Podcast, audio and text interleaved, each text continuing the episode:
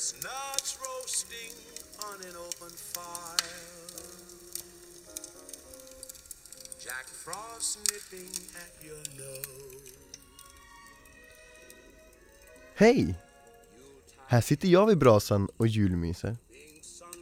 Året går mot sitt slut, vilket betyder att detta blir den sista podd som vi släpper detta år. Vi kommer att ha ett litet juluppehåll och återvända igen 2016 ungefär i mitten av januari. Med poddar varannan vecka, som vanligt. Under tiden går det utmärkt att använda hashtaggen mitt i allt på sociala medier. I veckan ska vi få möta Angelica Nordin som delar med sig av sin berättelse. Och det enda jag har kvar att göra nu är att vi från ungdomsenheten skulle vilja önska dig en riktigt god jul. Ha det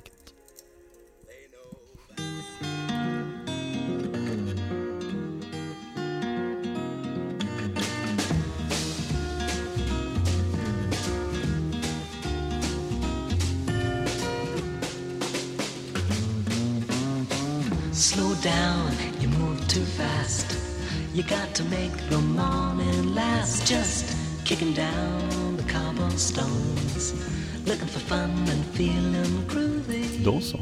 Känner du dig redo? Ja, jag är, jag är alltid redo. Eh, då kör vi. Mm. Eh, är du scout? Ja, jag har varit scout. Du har varit. Jätte, jätte, jättelänge sedan dock. Roligt. Ja, Eh, hej Angelica. hej. Hur står det till? Jo, det är helt okej, förutom huvudvärken. Huvudvärk? Mm. Alltid tråkigt. Mm.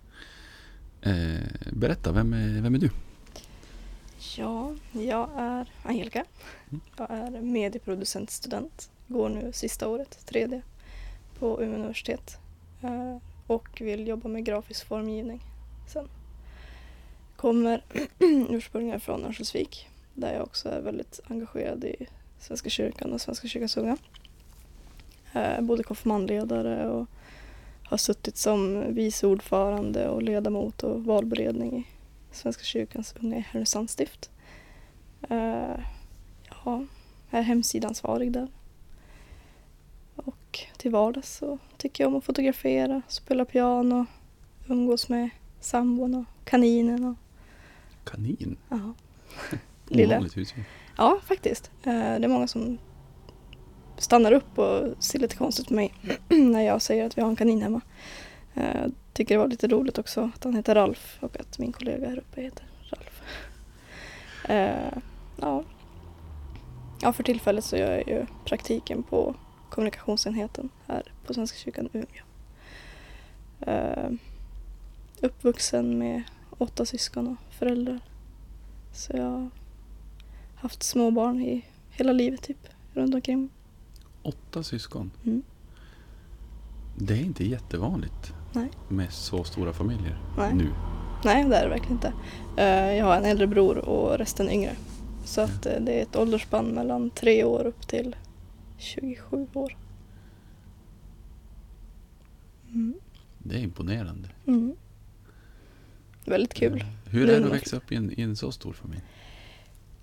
Ja, när man bor hemma så är det väl inte jätteroligt kanske. Eh, Man bråkar oftast och det är mycket kiv och tjafs och det slutar med att jag faktiskt köpte mig en egen friggebod och ställde på tomten. För jag blev så less på allt bråk och så jag flyttade ut på tomten helt enkelt. Men sen när man flyttar hemifrån så är det ju, det är ju man har ju mycket igen. Det är ju det är guld värt att ha så många syskon.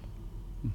För när man kommer hem så det finns alltid någon att vara med och det finns alltid någon som ja, frågar hur det är och vill komma och hälsa på. Och sådär. Bor du kvar i den där friggebon? När jag kommer hem så gör jag det faktiskt. För jag får inte plats i huset. Såklart. ja. det är, vi bor i ett ganska litet hus eh, för att vara så stor familj. Men eh, finns det hjärterum så finns det stjärterum. Mm. Då har ni delat rum på vägen upp alla barn? Eller? Mm, nej, det har vi inte. Eh, jag har alltid haft ett eget rum. Eh, min lillasyster och Jennifer har också haft ett eget rum. De enda som har egentligen delat det är min bror som är tio och min andra bror som är, vad är han, sju. Det är de som har delat rum. Tänk att det blir lite logistik med en sån familj. Mm. Ja, vi fick ju bygga ett eh, rum i rummet. Så vi Ja. byggde ett rum i vardagsrummet. Så fick vi lov att bygga ut också lite grann. Ja. För att få plats. ja, spännande. Mm. Eh, siktar du själv på en lika stor? Aldrig, nej. Kommer inte vara möjligt heller ekonomiskt sett i och med att jag eh, har en sambo som är tjej. Ja. Eh, det blir lite mer krångligt när det gäller barn då. Jo, Så att det kommer inte bli så stor familj. Ja. Max tre har jag sagt. Eh, förklara ekonomi, alltså, Eh, grejen är att eh, om man som samkönat par eh, som tjejer vill skaffa barn Mm. så eh, behöver man inseminera. mm, Eh, och då finns det en metod i Danmark som vi har fastnat jättemycket för. Eh, det är att de, alltså, om det är Linnea som ska bära på det, alltså min flickvän då, så skriver de ner alla mina egenskaper och liksom mitt utseende så för att hitta en likvärdig eh, så att det ska bli så lik mig som möjligt. Och den proceduren kostar ganska mycket. okej. Och sen så får man ju räkna med att det kostar ju för att åka ner till Danmark också. Mm. Och bo. boende och mat. Och, ja, det är inte det billigaste laget. Nej. Så att eh, det är väl det. Så skulle vi ha nio barn så skulle det kosta oss över en miljon. Tjenare. Mm. Om vi har räknat ut rätt. Ja. Som, från de priser som står på den hemsidan så. Ja. Det är lite sjukt ändå att behöva tänka att man ska köpa sitt barn. Men ibland så finns det ingen annan lösning. Finns det inga möjligheter till, till stöd i sånt där? Det vet jag, det har vi faktiskt inte kollat upp eh, ordentligt. Det finns det säkert. Eh, men i och med att det inte är aktuellt just nu så har vi bara liksom kollat bara för skojs skull hur Ja, mycket det skulle ja. kunna kosta oss. Bara för att vara beredd. Ja, just. Mm. Adoption är inte ett alternativ. Jo, det är klart att det är ett alternativ. Men det vore ju kul att ha alltså något som man känner att men det här är från mig. För vi har sagt att vi ska bara bära varsitt barn. Eh, och så sen om vi vill ha ett till så ja, men antingen så adopterar vi eller så ja, det känner vi då. Mm. Det blir en upplevelse i alla fall. Mm. Ja, det blir det. Mm. Ehm, hur har din, eh, din, din sista vecka sett ut? Vad gör du? Ja, vad har jag gjort sista veckan? Jag har varit, eh, hunnit sova en hel dag att jag var sjuk och sen har jag varit med på filminspelning. Och så har jag räddat en kissemisse från att frysa ihjäl. Ja, så har jag bara umgåtts med sambon och kaninen. Ändå skönt med en kanin som husdjur. Mm, han är världens socialaste kanin också. Blir de rumsrena? Ja, alltså om man verkligen kör hårt på dem när de är små så då går de på låda och kissar. Sant. Bajset kommer ju som när det vill så att det kan man ju ta Nej, men det är väl också över. ganska lindrigt att plocka ihop. Ja, precis. Det är bara som små flingor typ. Mm. Men eh, han är jätteduktig. Han har kissat på lådan sedan han kom hem till oss och då var han ändå bara 15 veckor. Schysst. Han tror att han är en katt, beter sig som en hund. Det bästa han vet är sour cream and onion chips. Ja, men det låter väl rätt sunt. Ja, jag tror inte någon, någon eh, kaninuppfödare skulle uppskatta det dock. Nej, nej. Men så länge han lever och mår bra så tänker jag att då, han måste ju få njuta av livet han också. Hello, lamppost, what you knowin'? I come to watch your flowers growing. Ain't you got no rhymes for me? Do it do do, feeling groovy. Viktiga personer i ditt liv. Oj, det finns ju jätte, jättemånga. Mm. Kan du nämna någon?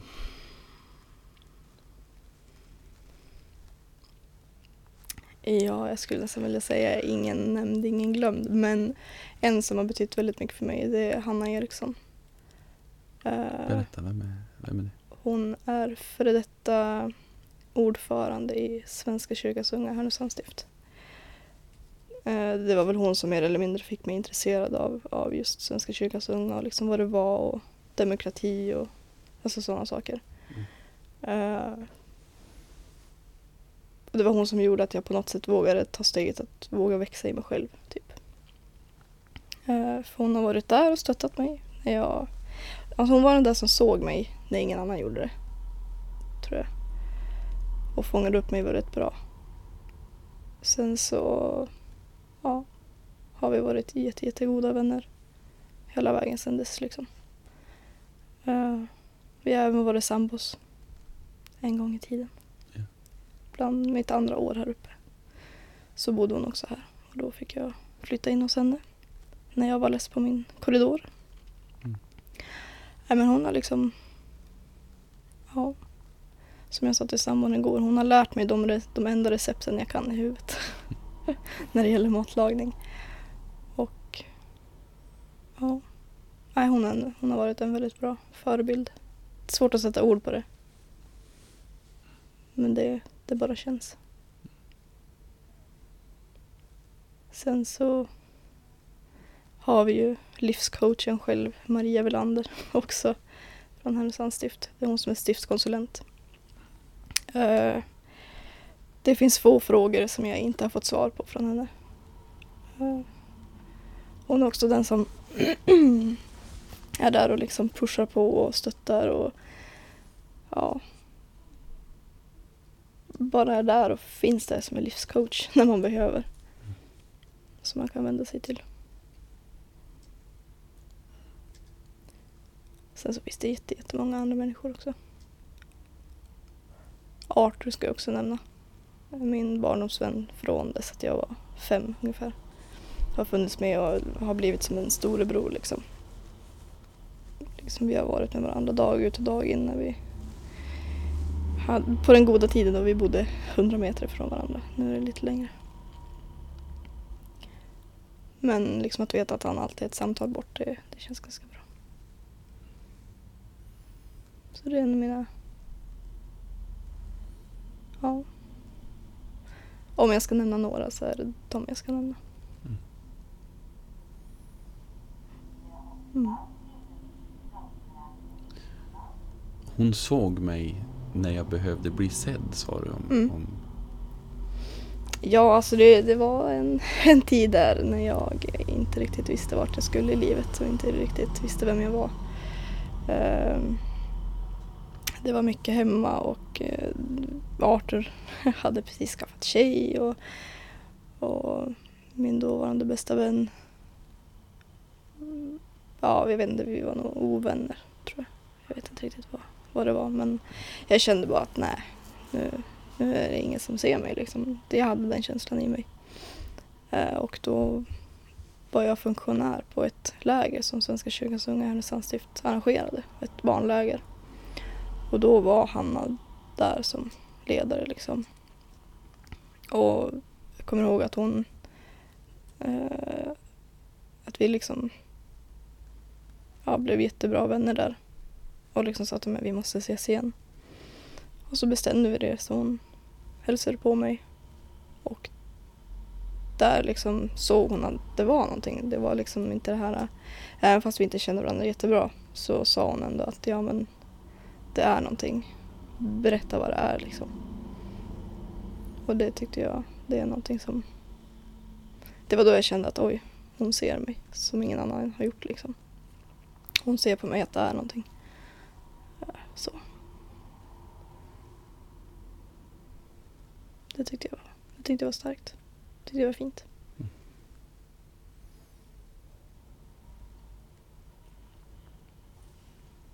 finns det någon situation i ditt liv eller någon händelse eller, eller eh, kanske till och med person som, som har förändrat dig? Så blir det någon sorts vändpunkt. Mm. Det gör det. Um, det var nog där. Ja, egentligen finns det två vändpunkter. En inre vändpunkt och en yttre vändpunkt. Eh, den inre vändpunkten kom väl efter högstadiet. Eh, när jag insåg att oj då, hmm, det kanske inte bara killar jag blir kär i. Typ. Eh, och då började ju den inre processen, alla tankar och alla liksom föreställningar. Oj, hur kommer det här bli? För jag är uppvuxen i ett ganska konservativt synsätt när det gäller homosexualitet och sådär. Så jag tänkte att oj, nu kommer jag bli utesluten från släkten och familjen och det kommer, ja, jag föreställer mig en massa olika scenarion. Men jag jobbade på det där. Alltså själv. Och eh, funderade väldigt mycket och hade inte så jättemånga som satt i lik- liknande situationer som jag visste av då. Eh, men sen så började jag prata med, med människor som var i samma situation ungefär. Eller ja. Eh, jag började prata med en som heter My som hade kommit ut som homosexuell. Eh, och det var nog mycket tack vare henne också varför jag vågade ta klivet till den yttre vändpunkten. För det var då, alltså efter att jag hade pratat med henne och liksom berättat hur jag kände och liksom så, så sa hon bara att ja men Angelica, jag tror att det är så att du, du är bisexuell liksom. Du, det är inget farligt att liksom falla för tjejer också, utan det, det är helt normalt. Bara det att vissa människor inte förstår det. Eh, men det, det bästa du gör det är att du liksom accepterar dig själv. Och att du är ärlig mot de andra. För det är då du mår som bäst. Och där och då trodde jag att hon skämtade med mig. För jag tänkte det kommer jag aldrig stämma. Men hon hade rätt. Så när jag kom ut då för offentligheten så Nej, det var precis som att ta av sig liksom ja, alla tyngder från både axlar och huvud och alla tyngder man bar på. Man kände sig ganska fri när man hade kommit ut som, ja men det här är jag liksom. Då accepterar ni inte mig så då, då får det vara. Det var, det är två stora vändpunkter i mitt liv. Dels det inre och det yttre. För i och med att jag blev bekväm med mitt inre och vågade acceptera det så vågade jag även uttrycka mig med det yttre. Jag ändrade helt totalt klädstil eh, till det som jag faktiskt är bekväm med. Jag har aldrig varit bekväm i liksom tjejiga kläder som man brukar kalla det. Eh, aldrig varit bekväm i kjolar eller klänning eller eh, och varför jag hade, alltså på studenten, när jag tog studenten och gick på studentbaden så hade jag ju klänning. Men det kändes som att det var, det var fel, det var inte jag liksom. Det var inte jag som stod där. Utan jag gjorde det mer bara att ja, men det är tradition att tjejer har. Jag vet inte, jag hade fått för mig det. Så jag skulle vilja ta om studenten och göra det på mitt sätt. Men eh, det är lite sent nu. Så jag får göra det bästa av tiden som är kvar helt enkelt. Mm.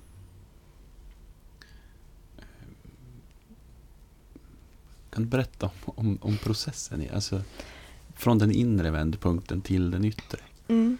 Hur påverkades du av det? Jag var nog mer mottaglig för alla negativa kommentarer som, som människor runt omkring mig sa. Eh, vilket gjorde att tankebanorna i huvudet började spinna ännu mer. Och jag tänkte, är det här verkligen rätt? Är det här verkligen jag? Är jag sjuk? Har jag blivit psykiskt störd? Eh, för det är sånt som jag fått höra liksom i min uppväxt att ja men det är en sjukdom, liksom. man, man är inte frisk. Jag förstår inte liksom. Ja. Och då, nej det kändes bara så fel när jag kom fram till det. Alltså när jag själv fick upp ögonen för att oj det kanske är så här. Då blev jag väldigt rädd först och tänkte att det här är inte alls. Jag är inte normal någonstans. Eh, men sen så, jag hade ju som sagt ingen att prata med just då om det. Eh, för att ingen, jag visste ju ingen som satt i min situation. Men när jag pratade med My och liksom vi pratade om det här och jag hade massa frågor till henne och hon svarade på ett sätt som var så här. Jag trodde att hon skämtade men nu i efterhand är så här, ja men hon hade så himla rätt ändå. För att hon ändå har gått igenom samma process. Att hon har kommit ut och känt samma sak som jag. Ja, det, det är också en sån här process och sån här sak som är svår att sätta ord på. För det bara känns, helt enkelt. Uh för det här är någonting som du inte väljer heller utan jag tror att det är någonting som utvecklas mer eller mindre hos alla. Eh, och det är väl om man vågar se det eller om man, om man inte tänker på det. Eh, men det hela startade på, eh, på ett läger, på en utbildningshelg ska jag säga, för ledarutbildningar för unga konfirmandledare. En utbildning för dem eh, som jag var med på. Och eh, för där träffade jag, eller ja, jag träffade och träffade. Jag stötte på en tjej som jag tyckte att ja, men hon var väldigt fin. Och det var också under det läget som jag fick värsta uppenbarelsen att oj, jag kanske tror på Gud också. Och vilket gjorde att det kändes ännu mer konstigt för det är bara jag liksom i familjen och släkten som, som är kristen. Så. Som är troende kristen. Ehm. Så det, ja, det är svårt att sätta ord på. Men ja, jag vet inte riktigt hur jag ska utveckla det mer. Du uttryckte någon form av rädsla eller sådär i Mm. relation till din familj. Mm. hur reagerade människor runt omkring dig på det här? Vad vad har du liksom... Ja, för det mesta stött på alltså positiv alltså reaktioner. Det har varit liksom, ja men Angelica det här visste vi och det är inget konstigt med det liksom. Och typ när jag berättade för Hanna som jag nämnde tidigare att hon, när jag berättade för henne så var det så här, ja fast Angelica, det där har jag vetat sen ett halvår tillbaka liksom. Det är inget konstigt. Det är liksom, jag gick bara och väntade på att du skulle berätta det för mig. Och eh, bästa reaktionen fick jag av min bästa vän Arthur som sa Ah, vad roligt, vad coolt, vad häftigt. Då kan vi titta på film och titta på snygga tjejer tillsammans. Det tycker jag var lite roligt faktiskt.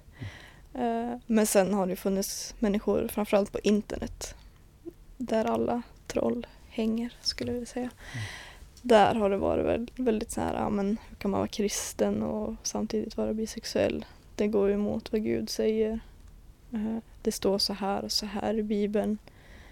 Eh, Det du gör det är en synd och ja.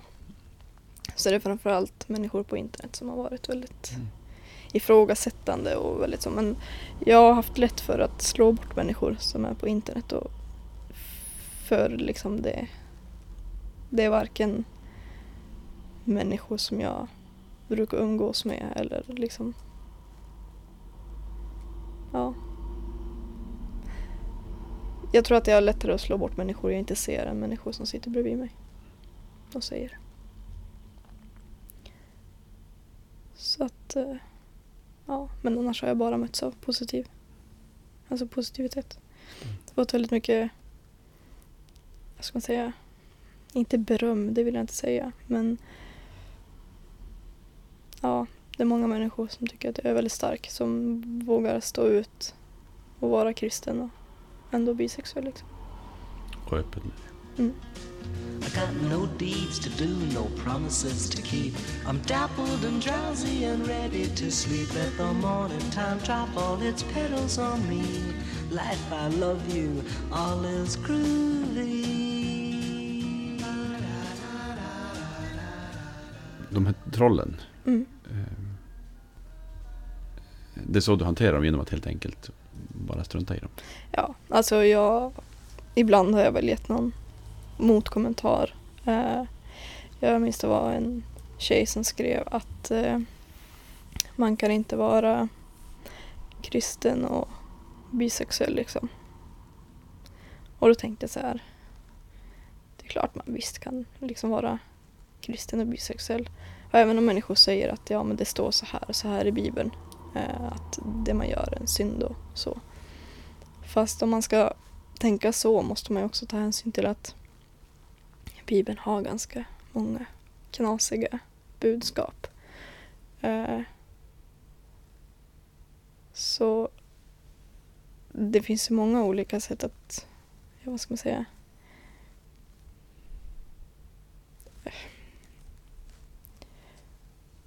jag svarade i alla fall tjejen att eh, man kan inte heller vara kristen och eh, ogilla sina föräldrar eller liksom ha dålig syn på, på eller inte dålig syn men alltså att man ja men mer eller mindre man kan inte vara kristen och ha barn för att det finns alltid någon gång man blir lite småless på, på sina barn antar jag.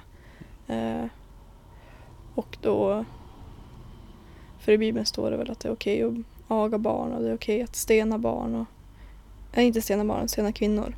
Alltså sen att den som eh, ja, den som är dum mot sina föräldrar ska också agas och ja, det står massa knas i Bibeln. Mm. Och jag vet att jag kommer nog någon väldigt bra kontring där. För jag tog mycket hjälp av boken eh, Gud är större. Det är, jag vet inte om du har, eller om någon har hört talas om det, men det är i alla fall en bok som tar upp ämnet HBTQ och eh, religion. Och då tar han upp ur två perspektiv från det religionsmässiga. Dels eh, HBTQ och kristendom och HBTQ och, och eh, islam, tror jag.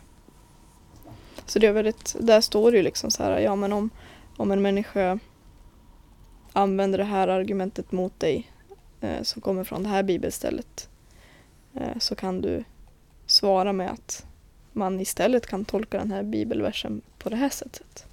Så jag, tar, jag har tagit väldigt mycket hjälp av den boken när det just har blivit sådana diskussioner. Vilket inte är ofta ska jag nämna, men det har förekommit. Jag brukar försöka att inte hoppa på sådana diskussioner. Om jag inte är på bitchhumör, som min sambo brukar kalla det. Det är ju sällan särskilt fruktbart Ja. att, att, diskutera med den typen av Mm, jo, precis. argumentation, precis. tänker jag. Jag tänker att det, det är också många som använder sig av, av just Bibeln som argument Mm. för att det finns så lite kunskap bakom Mm. fasaden. Det finns liksom, ja, man vet om att Bibeln säger en sak. Men eh, i själva verket så, så vet man inte ens vad det står utan man bara söker upp det på Google och så här, ja men lägger fram ett någorlunda fint inom citationstecken argument mot att ja, men det här är fel. Fast jag har inte läst boken eller jag har inte liksom jag är inte troende, jag är inte kristen liksom. Så att ja. Nej, jag tycker det är synd att Bibeln oftast används som sånt stöd. Mm. När man ska argumentera mot något på ett negativt sätt. Mm. Det är ju som, det finns en bild på Facebook som florerar runt ibland att, att eh, homosexualitet är liksom, det är inget man väljer. Men att vara homofobisk, det är något man väljer. Vilket jag tycker stämmer väldigt bra. Eh, för du väljer inte hur dina känslor ska, ska växa fram.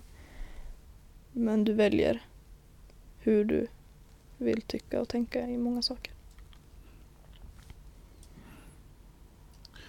Ehm.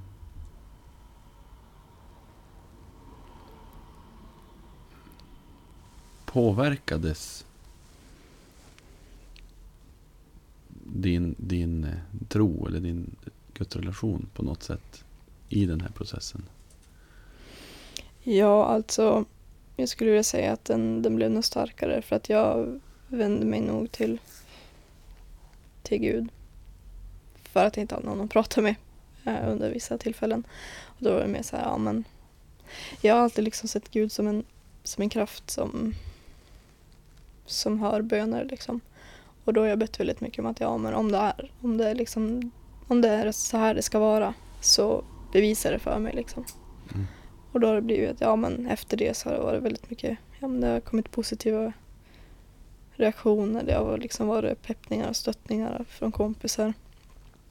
Och, och ibland så har det varit så här, ja men när jag återigen har sagt att ja men är det så här det ska vara så bevisa det. Och då har det liksom ja, då har det inte som varit någonting. Och då har jag tänkt att ja men antingen, det är ju mer att det ska vara så här. För jag tänker att om jag hade bemötts av väldigt dåliga saker efter att jag hade bett till Gud liksom så, så skulle det nog inte vara så här. Men jag tänker också att Gud har sett mig för den jag är. Gud älskar mig för den jag är. Uh, och det är bara människor som har fått konstiga, konstiga, jag vet inte. Vad ska man säga? Vad heter det? Konstellationer av hur det ska vara. Som vill påverka mig negativt. Nej men så Gud har varit väldigt central i det är Gud jag har vänt mig till när jag har haft det jobbigt. Och Gud har också visat mig att det här, det är rätt väg du går på. Tycker jag. Det är en ganska stark Mm. bekännelse ändå. Mm. Vad häftigt. Mm. Eh, Ja, för mig har det varit så himla tydlig. Eh, för det är många som, som jag pratat med som inte alls har känt likadant. Eh, vad det nu än gäller, eh, det ska jag säga. Det behöver inte vara att man, det här just att komma ut eller någonting så, utan det kan vara vad som helst. Men för mig har det alltid varit så himla tydligt och så himla påtagligt att det finns någonting mer. Fast sen är jag en sån som inte ber om så mycket heller utan jag, jag ber om små saker.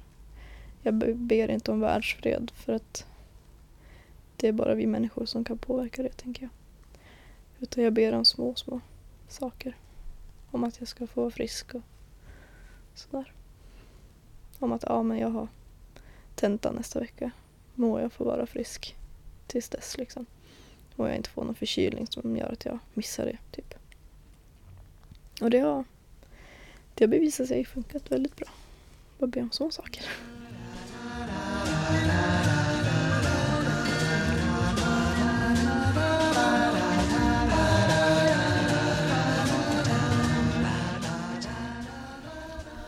Hur hittade du in i, i kyrkan? Du säger att du har en, en Ja. familj som är konservativ men inte kristen. Mm. Det här är väldigt, en väldigt rolig historia. För eh, det var inte meningen att jag skulle hamna i kyrkan egentligen. Det bara blev lite mer eller mindre. Nej, grejen var eh, att eh, vi skulle ha prao i nian. Och jag, hade, jag var sent ute, jag hade inte hittat någon praoplats. För det skulle man söka själv. Annars så, den som inte hade hittat någonting skulle få tilldelat. Men det vill inte jag ha. Utan jag vill hitta själv men jag hade inte gett mig ut på någon jakt efter det. Mm. Så jag kom hem och sa det till min mamma. Varpå hon säger att ja men gå ner till kyrkan, de har säkert en plats för dig. Och jag var så här, aldrig. Varför i hela mitt liv ska jag gå ner på kyrkan och fråga om en praoplats? Eh, Då ska jag också tillägga att jag tyckte att eh, min konfirmation var jättetråkig. Inget illa ment mot eh, Siv, Christer eller Håkan men den var inte jätterolig om jag har andra konfirmationer att jämföra med. Så jag tyckte kyrkan var väldigt tråkig och väldigt stel och ja, det var ingen plats som jag kände att där, där har jag hemma. Så att jag tyckte det var lite konstigt men jag gjorde som mamma sa. Så jag gick ner och frågade och blev bemött på ett väldigt bra sätt. Jag blev välkomnad av en som heter Johan som eh, jobbar där än idag som församlingspedagog. Och han sa att ja men såklart vi fixar plats åt dig, du får jättegärna vara här. Eh, så det började, allting började med en praoplats helt enkelt. Så jag fick följa med på konfirmationsläger den, den veckan också. Och insåg att det här var ju kul. Det här är någonting som jag skulle vilja göra mer. Så efter det började jag hänga på kyrkans unga. Och eh, sen så blev det att jag utbildade mig till ung konfirmandledare i Härnösands stift. Och har sedan dess varit både konfirmandledare och utbildare för unga konfirmandledare. Så det var på den vägen. Och sen var det Hanna då som drog in mig i Svenska kyrkans unga främst. Utifrån det där lägret. Eh, och på, på en av de här utbildningshelgerna när jag blev ledare så träffade jag en eh, tjej som jag blev jätte, jättebra vän med. Sandra heter hon. Och eh, hon hade lite mer koll på vad Svenska kyrkans unga var. Eh, som berättade om det och sen så sa hon att de brukade åka till TC och jag blev lite nyfiken vad det var men då det visade sig att jag fick följa med till TC två gånger faktiskt. Eh, och sen så det var hon också lite som, som drog mig till, till att vara med på läger med Svenska kyrkans unga. Eh, för jag hade varit på någon fördjupningshelg innan det där barnlägret. Men barnlägret var det första läget som jag själv kände att nej, men nu kan jag åka utan att behöva åka med någon. Men ja. Så det är på den vägen. Både prao och kompisar.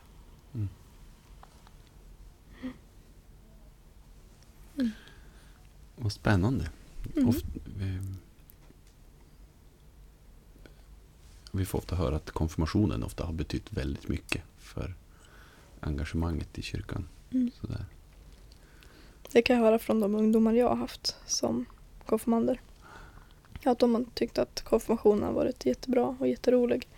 Vilket jag förstår, för jag är jätteavundsjuk. Jag själv hade också velat haft en sån här konfirmation som jag varit med och varit ledare på. Jag tycker de är väldigt bra. Men nu, alltså det är ju andra ledare och det är andra liksom anställda i hemförsamlingen nu. Det gör att det blir lite nytt. Saker förändras. Mm. Dina drömmar. Oj. Vad drömmer du om? skulle kunna ta en sån här klyschig dröm och säga att ja, jag drömmer om att få vara rik och bo på ett fint ställe i världen där det är varmt. Men eh, jag ändrar mig och säger att min dröm är nog att jag ska få, få leva som den jag är, med den jag vill. Eh, och att jag ska få möjligheten att få bilda familj med den jag älskar. Och få jobba med ett jobb som jag tycker är kul. Det är nog min, min dröm. Så den största drömmen är på något sätt att vara vanlig. Mm. Ungefär. Typ. I och med att det är så mycket skit ute i världen nu och att det är många som far illa utifrån. Alltså människor som är som jag som far illa för att de älskar helt enkelt. Och jag måste erkänna att jag är lite rädd för, för hur Sverige kommer se ut om tio år. Berätta mer. utifrån den eh, politiska synvinkeln så känner jag att om några år så kanske det inte är möjligt för oss längre att, alltså på samma sätt som det är idag, att få den möjligheten att kunna bilda familj tillsammans. För att det är många som tycker att det är fel att man ska bevara kärnfamiljen och använder argumentet att alla barn har rätt till en manlig och en kvinnlig förebild och menar då på att det, det ska vara föräldrarna. Medan jag själv känner att har du två mammor så mammorna har väl en manlig kompis tänker jag som lika gärna är en manlig förebild. Eller om det, du har två pappor så är, finns det alltid någon kompis som är kvinnlig liksom, som man kan ha som förebild. Kan det inte räcka bara med goda vuxna förebilder? Jag tycker det. Punkt. Ja, jag tycker också det. Men det finns människor som inte riktigt gör det. Och det finns människor som, som sitter på en makt som eller som har den makten att kunna bestämma så som de vill.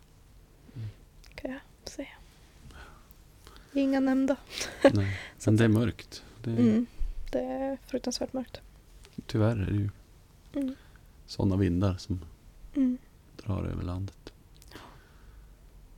Det är hemskt. Mm.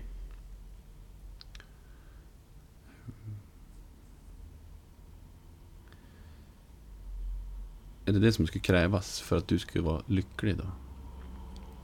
Att jag skulle få bilda min familj och få jobba det jag vill göra. Mm. Ja. Det skulle det skulle vara det som gör mig lycklig faktiskt. För jag behöver inte de där miljonerna för att liksom leva gott. Jag behöver liksom inte bo på det där fancy stället för att må gott liksom. Så länge jag har kärlek och någonting roligt att göra som drar in lite inkomst så att man har mat på bordet och tak, under, alltså tak över huvudet så skulle jag vara nöjd. I got no deeds to do, no promises to keep. I'm dappled and drowsy and ready to sleep. Let the morning time drop all its petals on me. Life, I love you, all is groovy. Du ska få en fråga från en tidigare gäst. Mm. Eh, och frågan som, som kommer från förra inspelningen lyder så här. Om du skulle få välja en person i hela världen att gå på dejt med. Vem skulle det vara? Oj, vad svårt. Ja. Oj, vad svårt. Jag skulle kunna säga att det är väldigt många. Då skulle Ja. inte sambon bli så glad. Nej, men, eh, men om det finns en person jag skulle vilja gå på dejt med.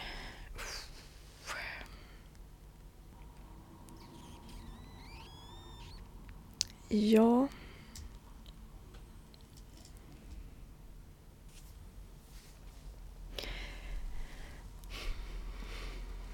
Hur går tankarna? tankarna går.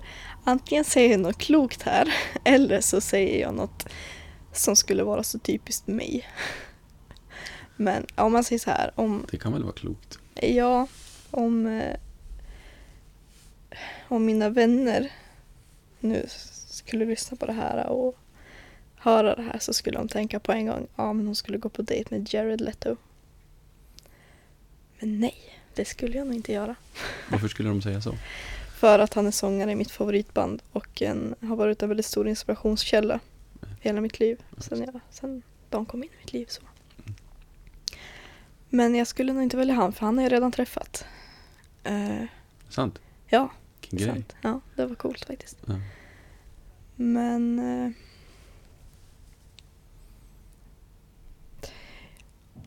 jag skulle nästan vilja välja, hör och häpna, Jimmy Åkesson.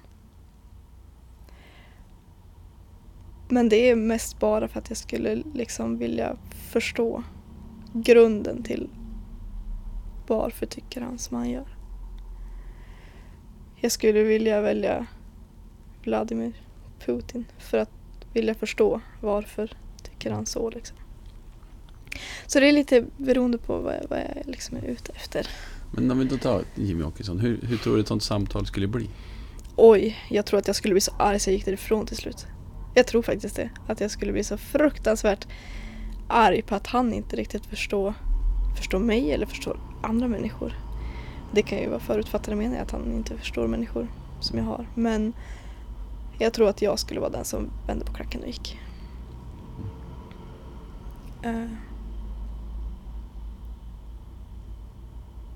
Men jag brukar oftast när vi sitter och pratar med kompisar, eller ja, i kompisgänget så brukar vi ofta sitta och kolla på film och kolla på TV och säga att ah, men den där människan skulle jag vilja dricka vin med eller dricka kaffe med. Eller liksom, ja. Så finns det ganska många som man har sagt så och då är Jimmy Åkesson faktiskt en av de som jag så här, ja. Skulle vilja ta en kaffe med han, ja. Bara för att liksom förstå. Men jag skulle inte vara bekväm i situationen. Jag skulle inte tycka att det var en, den roligaste dejten jag har varit på. Ehm. Men ska man välja en, nu har jag kommit på en faktiskt. Mm. Nu har jag faktiskt kommit på en.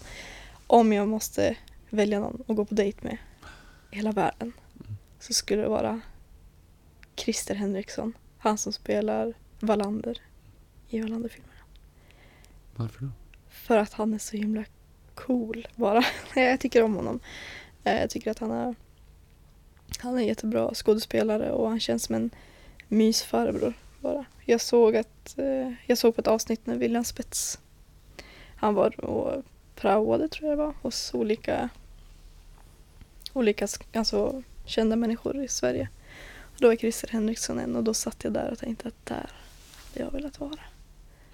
Fy vad coolt att utbyta erfarenheter och inspiration med någon som är inom samma bransch som jag själv skulle vilja jobba inom, alltså inom mediebranschen. Det hade varit någonting. Christer Henriksson. Christer Henriksson. det, är mitt slutgiltiga, ja, det är mitt slutgiltiga svar. Ja.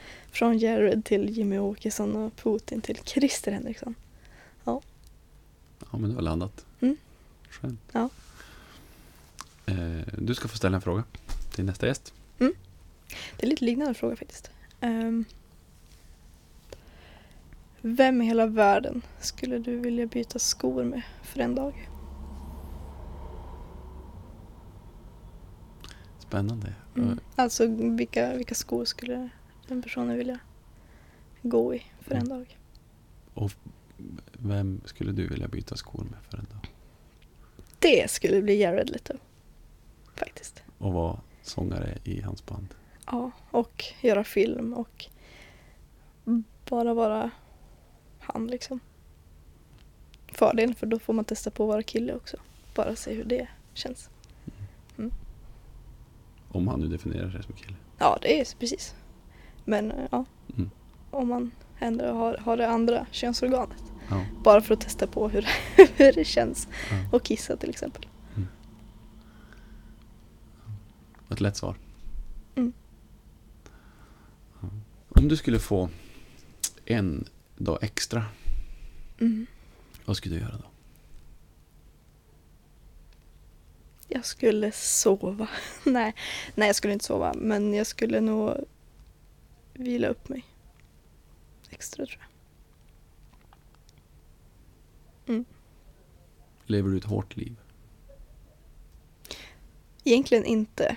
Eh, eller ja, nu på senaste tiden har det varit ganska mycket. Väldigt mycket att göra.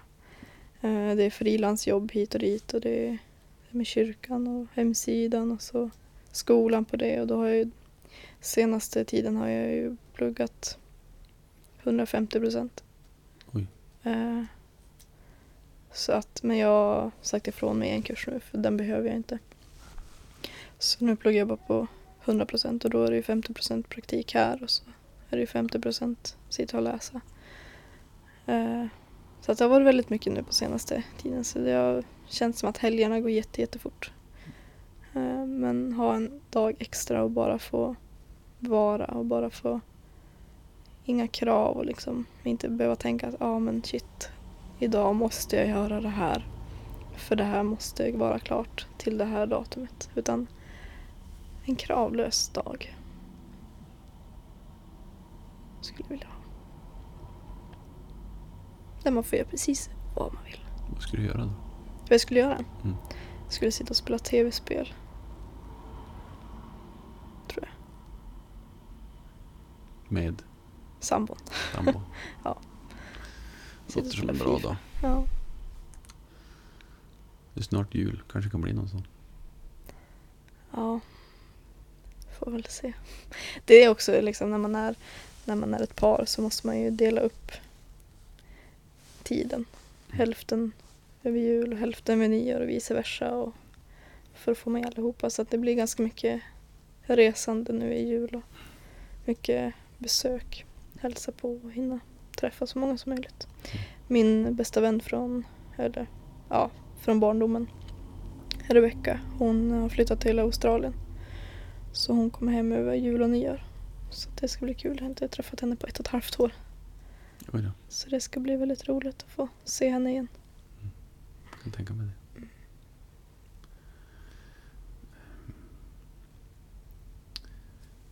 Det finns tusen saker som jag skulle vilja prata om. Mm. Eh, Men, men vi har bara vi har inte så lång tid på oss. Ehm, Tack så jättemycket Angelica för Tack att du själv. har delat med dig Tack själv. av vem du är. Eh, Du ska få välja en låt Mm. som avslutar din podd. Det här har jag också funderat på väldigt mycket. Vilken låt jag ska välja. De som känner mig vet att jag är en sån som skulle vilja höra alla låtar samtidigt. Därför sitter jag och byter låt hela tiden. När vi åker bil till exempel. För att jag kan verkligen inte bestämma mig. Men... Eh,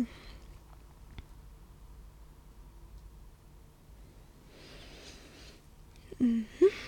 Jag har faktiskt suttit och funderat på om jag ska välja Coldplay eller om jag ska välja Third Seconds Mars eller om jag ska välja Mumford Sons. De tre största banden som jag har som, som jag tycker om. Och Coldplay släppte ju nytt på häromdagen. Mm. Så de låtarna är lite svåra att få tag i. Men därför väljer jag Closer to the Edge med Third Seconds to Mars.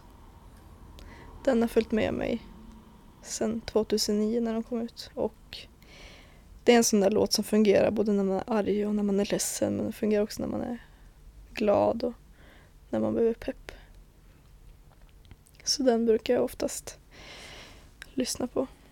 Eller jag brukar lyssna på den jämt och ständigt typ.